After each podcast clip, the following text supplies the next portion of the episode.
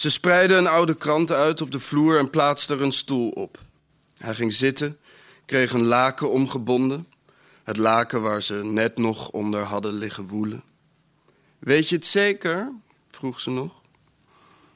Gelaten onderging hij het zeurderige zoemen van de tondeuze. Telkens wanneer ze met de koude kop van het apparaat van onder in zijn nek een baan trok naar net achter zijn oor, voelde hij zijn zenuwen stuiptrekken, kwellend en lekker tegelijk.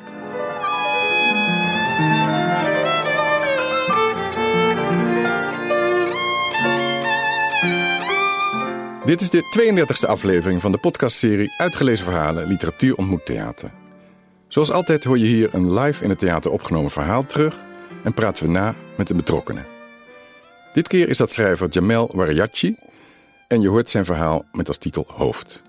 Hij zit al tegenover me om de opname samen te luisteren. Welkom in de podcast, Jamel. Dankjewel, Pieter. Voor we verder gaan, richt ik me tot jou, luisteraar. Wat fijn dat je er bent. Dat enthousiasme deel je hopelijk met je vrienden, want mond-tot-mond reclame werkt altijd het beste. Ben je heel enthousiast en wil je meer? Doe dan als luisteraar Etje en schrijf een besprekingje. Hij onderbouwt zijn vijf sterren zo. Ik vind het boeiende verhalen en ik leer nieuwe auteurs kennen. Verder als toetje de toelichting achteraf, die het geheel nog interessanter maakt. Mooi muziekje erbij. Jammer dat het zo ver weg is, anders zou ik beslist een keer komen kijken. Einde citaat. Beste luisteraar, even uitleggen wat Etje met ver weg bedoelt. Onze voorstellingen zijn in Deventer, vrij centraal gelegen in Nederland, maar ik weet dat Amsterdammers denken dat het tegen de Duitse grens aan ligt. En, voor onze luisteraars in Enschede, dat wel aan de grens ligt. Helaas zijn we gestopt met onze programmering in het Vestzaktheater daar. Dat heeft veel te maken met het valse gesternte waaronder we begonnen in het tweede coronajaar. Hopelijk kunnen we dat later weer oppakken. Terug naar alle luisteraars om mijn gast te introduceren. Jamel Wariachi debuteerde in 2010 met de roman De Vernietiging van Prosper Morel, gevolgd door vier romans en onderbroken door een verhalenbundel in 2017, waar we het vandaag over gaan hebben. Met als titel Herinneringen in aluminiumfolie. Zijn meest recente roman is Herfstraat, nu overal verkrijgbaar. En hij geeft allerlei interviews daarover en was blij, vertrouwde hij me toe, dat we het vandaag over zijn vijf jaar oude verhalenbundel weer eens kunnen hebben. Zijn biografie leert ons dat hij in 1978 geboren werd. Uiterst alledaags opgroeide in een oer-Hollands multiculti-gezin, het Barlees Gymnasium doorliep, totdat hij ervan afgetrapt werd, psychologie studeerde aan de Universiteit van Amsterdam, een aantal jaren als therapeut werkte en in 2011 koos voor het schrijverschap. We leren hem verder kennen in het nagesprek. Nu eerst nog een introductie van de acteur die Jamels verhaal voorleest. Dat is Ludwig Bindervoet, die al twee keer meedeed aan onze voorstellingen. Hij is medeoprichter van het performancecollectief Oerland, beginnend met een U, en freelance acteur. Ik zag hem onlangs schitteren in de toneelproductie Man, Man, Man over drie kinderen van Thomas Mann, dus niet de gelijknamige podcast van die drie leuteraars. Deze voorstelling werd uitgevoerd door Toneelgroep Amsterdam, die je weer niet moet verwarren met het ITA. Toneelgroep Amsterdam is de nieuwe naam van voorheen theatergroep De Warme Winkel. Snap je het nog, luisteraar? Het hoeft niet hoor. Gewoon gaan zien, die mooie voorstelling. Nu graag je aandacht voor het verhaal. Voorgedragen op 17 februari 2018 in de Deventer Schouwburg door Ludwig Bindervoet, getiteld Hoofd. Oh, mag ik dat doen? Dat was haar eerste reactie, haar stem hoog van voorpret. Hij was nog bezig zich aan te kleden. Het was wel een erg theatraal plan. Had hij niet beter zijn mond kunnen houden. Maar hij zuchtte en zei: Als je dat leuk vindt. Bij thuiskomst uit het ziekenhuis had hij zichzelf aan een grondige inspectie in de badkamerspiegel onderworpen. Gezocht naar veranderingen in zijn gezicht, fysieke sporen van wat hem was overkomen. Sporen van pijn, verdriet, wijsheid desnoods. Maar zijn kop zag er nog precies zo uit als eerst. Wel had hij geconcludeerd dat haar moet eraf. Het moet er eindelijk af. Al zeker 15 jaar eerder had een vriendin eens tegen hem gezegd dat het bovenop zijn hoofd dunner werd. En hij begon inhammen te ontwikkelen, beweerde ze. Het bleek onzin. Sindsdien had hij nog heel wat jaren met een volle bos rondgelopen. Alleen de paranoia was niet meer uit zijn kop geweken. Pas de afgelopen twee, drie jaar vond de ongefundeerde vrees een bondgenoot in de werkelijkheid. Zijn haar werd echt dunner.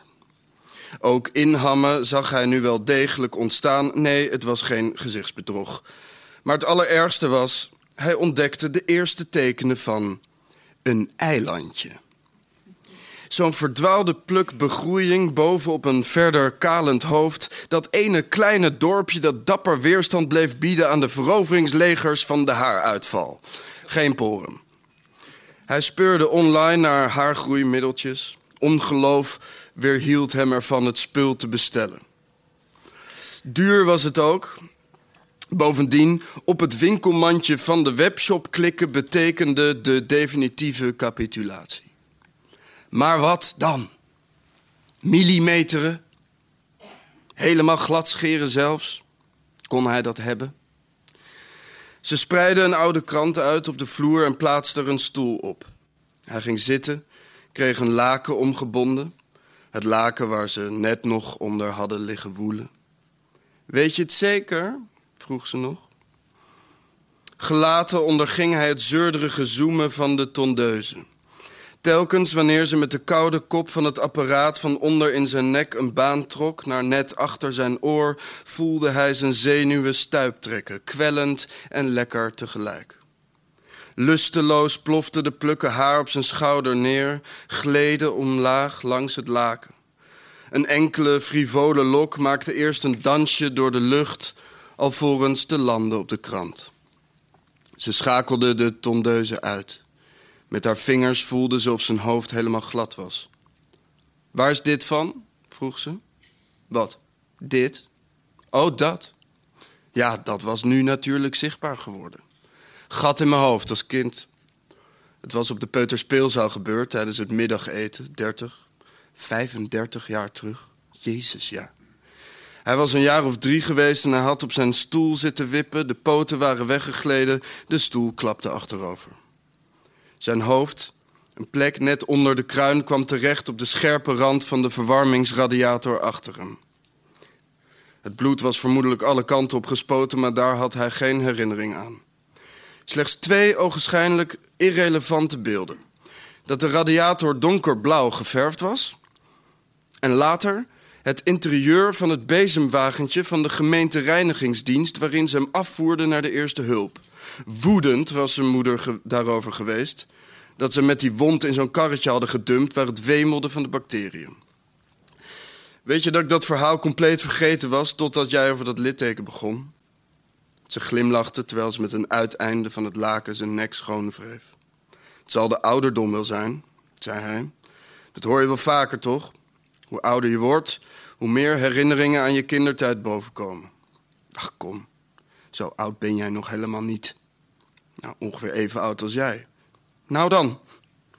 Zolang ik nog geen veertig ben, vind ik mezelf niet oud. Onder de douche spoelde hij de prikkelhaartjes weg. Kaal. De uitbotting van zijn lichaam was ten einde. Vanaf nu takelde hij af. Alleen zijn borsthaar nam nog altijd in dichtheid toe, als bij een lijk, bedacht hij. Dat hoorde je toch altijd? Dat het haar nog dagenlang na intreding van de dood bleef doorgroeien? Of was het de huid die zich terugtrok, waardoor stoppels en nagels zichtbaarder werden? Hoe zat het ook alweer? Wat was mythe? Wat wetenschappelijke waarheid? Blijf je nog even? had hij haar gevraagd. Ik blijf zo lang als je wilt. Toen hij met een handdoek om zijn middel gewikkeld de badkamer uitkwam, zat ze op de bank inmiddels geheel aangekleed. De krant met zijn haar was verdwenen. Ze at een banaan. Ik heb er eentje van de fruitschaal gepakt, vind je niet erg, toch? De tv stond aan, voetbalsamenvattingen. Vind je dat leuk? vroeg hij, terwijl hij zijn badjas van de vloer naast het bed opraapte, aantrok en dichtknoopte. Zijn handdoek hing hij te drogen op het wasrek. Best wel, ja. Is dat niet heel erg een ding voor mannen? Ze stak haar tong uit en gaf hem een middelvinger. Uit de keuken haalde hij een fles wijn en twee glazen, hinkend, maar zonder al te veel moeite. Hij ging naast haar zitten, vulde de glazen. Zelf keek hij er nooit naar. Samenvattingen. Hij hield er niet van als de afloop van de wedstrijd al bekend was. De spanning van het niet weten was cruciaal, evenals het verveelde wachten op een doelpunt. Die lege tijd waarin van alles gebeurde en tegelijk niets. De stroomversnelling in je aderen als er eindelijk een doelpunt dreigde. Toch besloot hij met haar mee te kijken. Af en toe wilde hij met een hand door zijn haar strijken en telkens schrok hij dan zodra hij ontdekte dat het er niet meer was. Fantoompijn. De blote huid voelde kwetsbaar.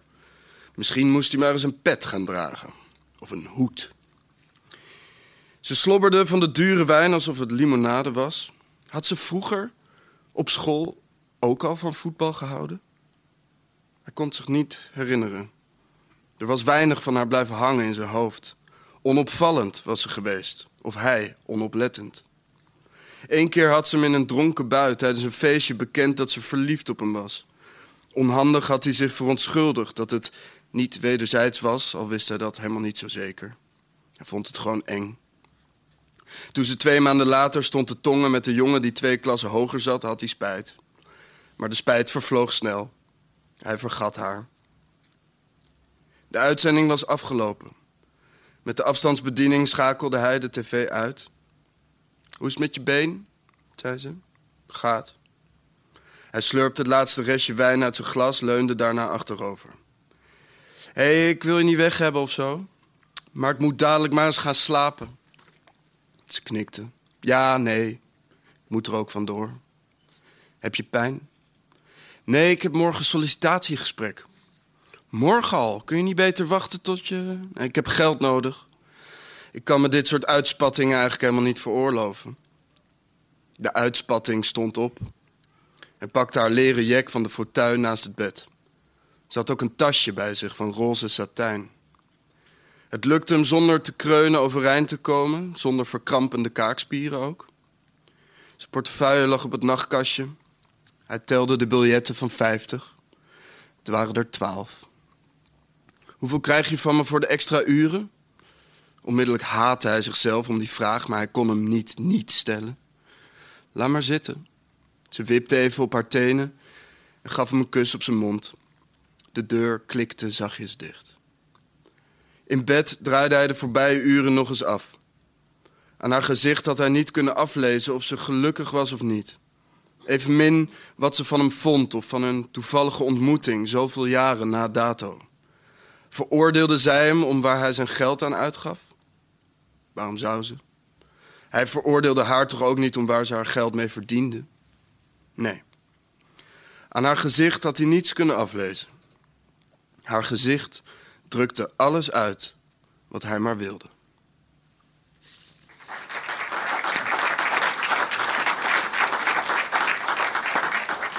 Dat applaus klonk voor Ludwig Bindervoet, maar natuurlijk ook voor Jamel Mariachi, die tegenover me zit, auteur van het verhaal. De relatie tussen naamloze hij en zij vond ik intrigerend tot, het, tot en met de laatste alinea. Mooi opgebouwd van middelbare school, bijna geliefde tot wat ongemakkelijke middag. Afgesloten met de zakelijke transactie voor betaalde seks. En in het begin de tondeuze gevoel in de kapperstoel. Of nee, dit, in zijn huisstoel. Deed me denken aan mijn jeugd dat mijn haar werd opgeschoren. Dat was in de jaren zestig gebruikelijk. Kappers telt pol in horen. Die zo...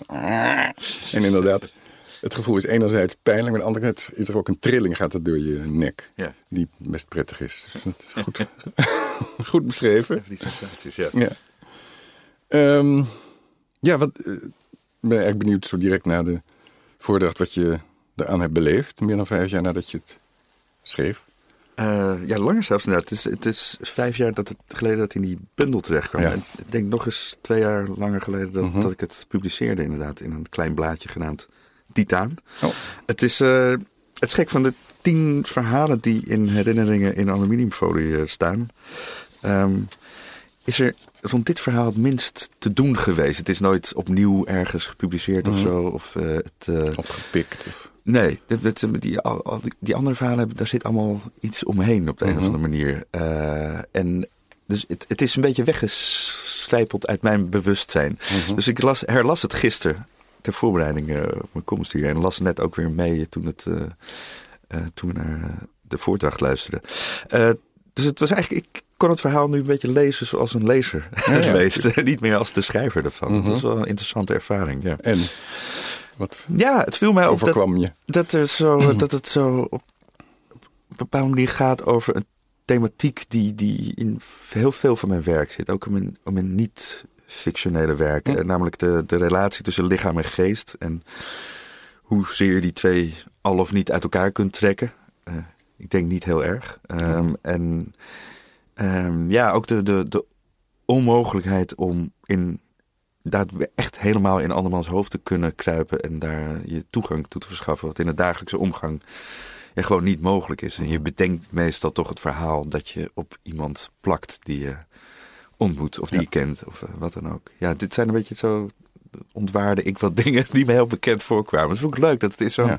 kort, kort stuk eigenlijk eh, eh, vrij ja, pregnant naar voren kwam. Ja. Ja, ik had namelijk, je had van tevoren ook al gezegd, ik heb er niet zoveel band mee.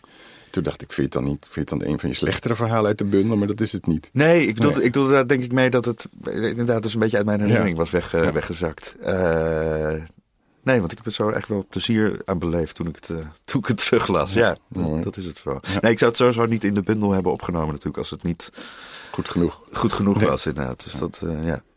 En het thema kaalheid in het begin zat ook in de avonden van Geert Reven, zijn debuut. Is dat een referentie voor je geweest of heb je niks met... eh, Nee, ik, ik herinner me he- heel vaag dat, het, eh, dat er een buurman van mij was in het huis waar ik woonde toen ik dat verhaal schreef. Die vaak buiten op de stoep zat met twee hele grote honden. Ja. En eh, andere hazes draaiden met het raam open. En daar maakte ik vaak een praatje mee. En op een dag, het was een beetje warm geworden, had hij gewoon zijn kop maar kaal geschoren. Maar hij had het zelf gedaan. Dus het was niet heel erg eh, geslaagd. Dus zit hier en daar nog een plukje.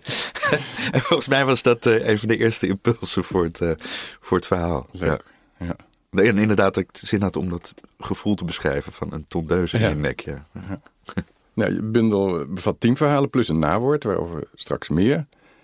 En ik weet niet meer waar ik onlangs las dat je het verhaal de Moslim Sportvissersclub een bijzondere band hebt. Of, of, of eh, dat, je het op een ander, dat je het refereert aan een ander verhaal wat je goed vindt. Ja, dat komt even in nawoord voor. Ja. Oh, dat daar heb ik het gelezen. gebaseerd is op een verhaal, of tenminste, ja, eh, in grote lijnen gebaseerd is op een verhaal van eh, Raymond Carver. Of, ik zou het ook een soort hervertelling kunnen noemen daarvan. Ja. Oké. Ehm, ik wil de luisteraar, behalve het verhaal wat we net hebben gehoord, nog één of twee andere even kort eh, het gevoel geven. Dat hij denkt van, nou, die bundel is het waard om te kopen of om te lenen van de Biep. Ehm, wil je iets vertellen over de Moslim Sportvissersclub, zodat ze er een indruk van krijgen? Ja, dat is eh, zoals in het verhaal van Raymond Carver gaat een groep vrienden eh, kamperen en vindt een lijk. En in plaats van dat ze meteen actie ondernemen, eh, gaan ze toch eerst verder met hun eh, recreatieve activiteiten en laten dat lijk daar maar een beetje eh, dobberen in een, in een riviertje.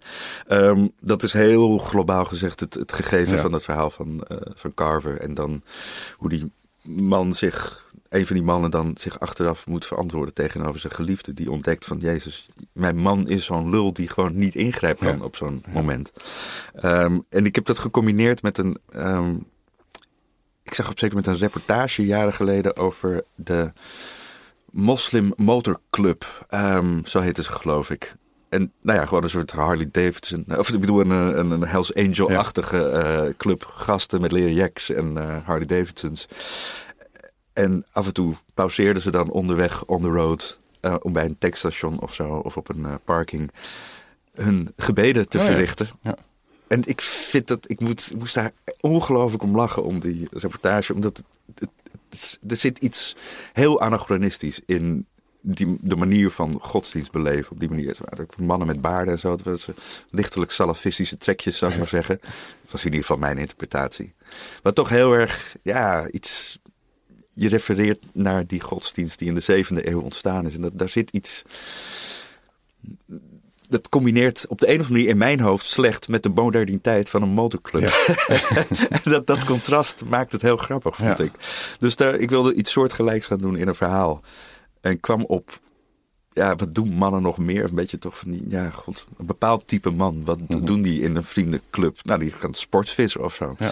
Ehm, en dat riep in mijn hoofd dan de associatie met dat eh, Carver-verhaal op. En dan eh, kun je het laten zitten of je kunt het gewoon maar omarmen. Zo'n associatie, en dat laatste heb ik gedaan. ja. Ja.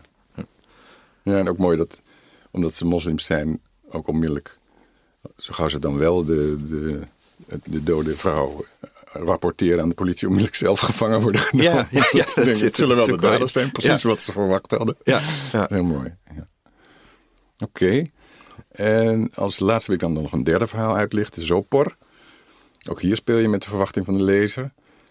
Wil je de eerste pagina's voorlezen om aan luisteraar een indruk te geven waar je... Ja, dat ga ik doen. Even kijken. Het, eh, er is een procedé dat ik in het verhaal gebruik van twee haakjes met wat ruimte ertussen. En dat heeft een bepaalde betekenis in het verhaal, maar ik kan dat Kan niet uitspreken. nee. Dus ik maak er een van. Doe mij nog maar een kwostje. Vragende blik van de spolver. Had me weer niet verstaan, zeker, door de harde Moloda. Net als de vorige keer herhaalde ik mijn verzoek en stak er een wijsponger bij op. Dat hielp, daar kwam de boodschap blijkbaar wel over. Met geroutineerde bewegingen dompelde de spolver een glas in de gorgelbak, manoeuvreerde het daarna onder de klots en liet het volstromen. Eén biertje voor meneer. Met het koele, nadroppende glas kwos nam ik weer plaats aan mijn tafeltje. Normaal gesproken zat ik nooit in mijn eentje in een brol. Ondanks alles bezorgde het me een zekere mismoedige glons dat ik het vanavond wel korfde. Mijn toekomst. Proost. Oogvegen van andere zwommelaars gleden langs me heen. Koekel die zonderling daar, alleen aan een tafeltje, met zijn mismoedige moffel. Ik hapte in het witte broos, kantelde het glas, zwommelde. Nog een glas en zwommelde tot het kloppen van de ontstoken Norvos in Molaar 27 niet meer voelbaar was. Dat was gisteravond. Op dit moment wordt er nog eens een indringende blik in mijn mond geworpen. Het kloppen in mijn kaak is er weer, nog eventjes. Deze spoedafspraak zal me redden. Te desinfecteren is te doden. Daar stinkt het hier naar, naar de dood. Waarom ik het toch zo ver heb laten komen, vroeg ze daarnet op haar bezorgde moedertoontje, terwijl we samen naar de röntgenfoto op het pc-scherm staarden. Waarom ik het toch zo ver heb laten komen, een vraag die ik mezelf misschien eens wat vaker moet stellen, en dan niet alleen met betrekking tot mijn gebit. Maar als ik daaraan begin, blijkt er wellicht nog veel meer kapot of ontstoken te zijn. Mijn lever en longen, die zie ik niet graag op zo'n scherm ontmaskerd worden. Na de diagnose en het stellen van de te volgen aanpak gaat ze aan de slag. Eindelijk de verdoving. Ik hoor de naald in het tandvlees dringen, alsof er precies naast mijn oor een lap stof in tweeën wordt gereten. Het lijkt wel of de naald helemaal doorstoot tot in mijn hersens, waar de koppijn van het drinkgelach weer wordt aangezwengeld, hoe ik de kroeg verliet en op straat onmiddellijk ontdronken raakte door de koelte en de regen. Dat was niet goed. Onmiddellijk loste het sopor op en denderde de werkelijkheid weer naar binnen. Dat het door mijn werk kwam. Het werk had van mij een zonderling gemaakt. Je zwelgt in jezelf verkozen leed. Dat soort verwijten. Klopte niet. Dat werk was precies de plek waar ik niet leed. In het werk toonde zich niet mijn gebreken, maar mijn schaarse kwaliteiten. Ah, dan is het lafheid. De vloeistof verspreidt zich in mijn tandvlees, tintelend. Een restje vloeit mijn keel in. Ik mag even spoelen. Daarna ga ik weer plat liggen, gespannen wachtend tot de boel gevoelloos wordt. Dank je. Wat betekenen dan die haakjes? Of wat eh, die als... Dit verhaal is eigenlijk een, een, een tekst over iemand die zich wel degelijk, wat zijn eh, ex-geliefde hier al tegen hem roept, heeft opgesloten in zijn eigen wereldje. Ja. Ehm, en het gaat over de wrijving die dat oplevert tussen de echte wereld en zijn fantasiewereld. En in die fantasiewereld heeft hij een hele eigen eh, taal ook ontwikkeld. En ehm, wat iets verderop in het verhaal ook aan de orde komt, is dat hij het zuur uit de taal heeft geprobeerd te trekken. En wat dus een elementje is in dit verhaal eh, is eh, dat er de, de letter U komt er verder ook niet in voor, behalve in die ene kleine passage. Ehm, Vandaar een woord als ontdronken in plaats van nuchter. Ehm, dus dat zit al in zijn normale taal, maar in dat, in dat zopor, dat is dan die fantasiewereld van hem, is, dan wordt het helemaal tot het uiterste doorgevoerd. Ehm, Ja, dat, is, dat is een beetje het spel. Wat is, is zijn fantasiewereld waarin ja. hij die, die, taal en ook in zijn dagboek uh, neerschrijft. Die door die vriendin wordt gevonden en dan verscheurt ook. En dan geef ik natuurlijk wel weer een. Er staat een term in waarvan zij denkt, wat is dit in godsnaam? maar ze vermoedt wel dat het iets niet uh, helemaal fris is, inderdaad. Ja. Met een andere vrouw. Ja. ja. Nou hebben we alles weggegeven, maar mm. doet het niet. Het blijft een mooi verhaal. Um, ja. Het wonderlijke is, is dat ik op zeker moment een jaar of twee geleden, of iets langer geleden, uh, benaderd werd door een jonge Nederlandse vertaler in opleiding. Hij is eigenlijk uh, vertaler Koreaans. Hm? En, um, maar hij heeft ook jarenlang in Engeland gestudeerd. En hij studeerde in Engeland op het moment dat hij me mailde. Hij maakte ook vertalingen in het Engels. En hij was bezig uh, met een vertaling van dit verhaal. Oh. En ik dacht, hoe krijg je het in godsnaam voor elkaar?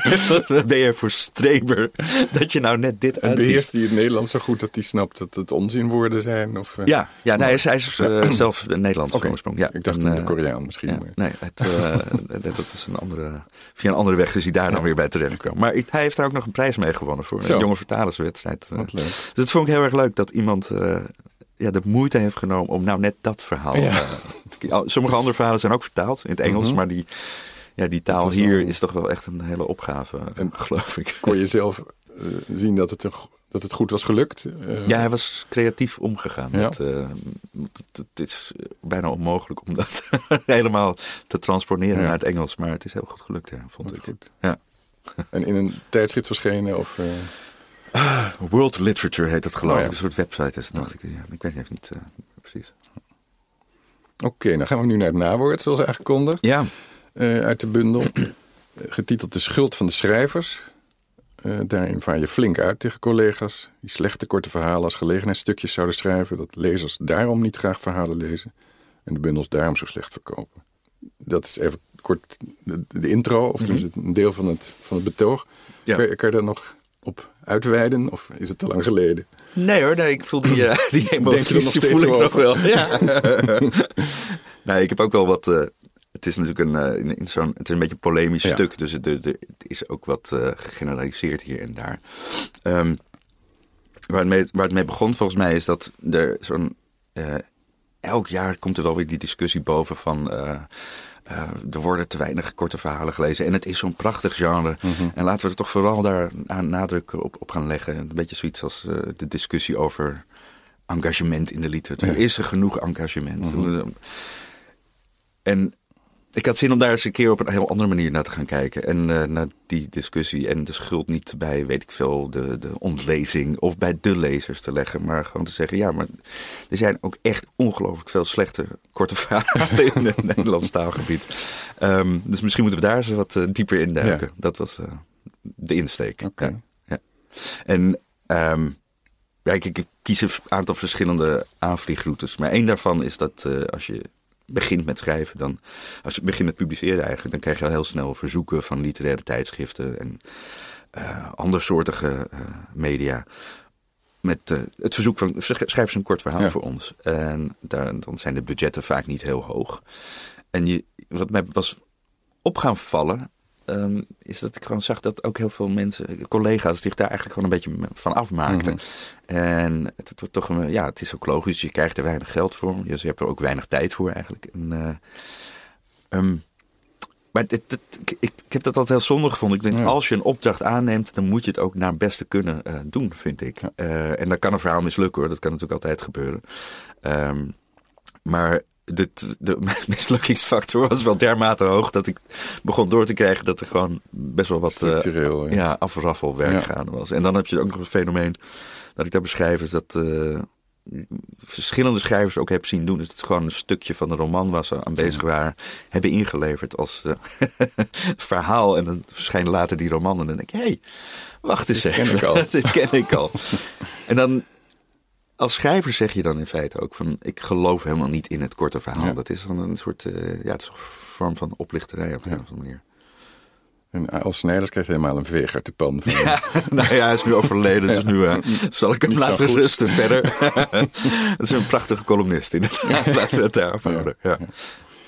Ik las in dat nawoord ook jouw bewondering voor Nabokovs verhalen. Ik mhm. ben daarom die bundels gaan kopen en lezen en ik geef je gelijk. Uh, hij is echt een meester in het genre. En een van de drie titels die je noemde, heb ik zelfs uh, twee jaar geleden in onze voorstelling geprogrammeerd. Nou, kijk, dat doet me enorm deugd. Een wolk, ja, wolkburg... missie, missionaarswerk ja. hier. Effect dat was uh, Wolkburg Meer, dus Cloud Castle Lake, geloof ik in het Engels. Ja. Uh, helaas is het te kostbaar om in, in de podcast te hergebruiken. want uh, zo'n Dimitri Nabokov zit als een bok op de haverkist. Die moet ook eten, ja. Dus dat is huiswerk voor jou, luisteraar. Zoek Wolkburg Meer zelf op. Nou ja, veel dank voor dit gesprek. Alsjeblieft. Ja, dank voor de uitnodiging. Lieve luisteraar, nu spreek ik weer rechtstreeks via jouw oortjes of je autospeakers. Dank voor je aandacht. Als je genoot, vertel het door aan vrienden en familie die ook houden van podcasts, lezen of voorgelezen worden. En koop weer eens een vertaalde verhalenbundel. Die van Nabokov zijn nog goed antiquarisch te vinden. Ik sluit af met de verschuldigde dank aan onze subsidiegevers. De provincie Overijssel en de gemeente Deventer. Aan deze aflevering werkte mee Jamel Wariachi, Ludwig Bindervoet, Huub Kron verzorgde de opname van het gesprek in studio Orbit. Dirk-Jan van Ittersum tekent voor de montage en de mastering van de audio.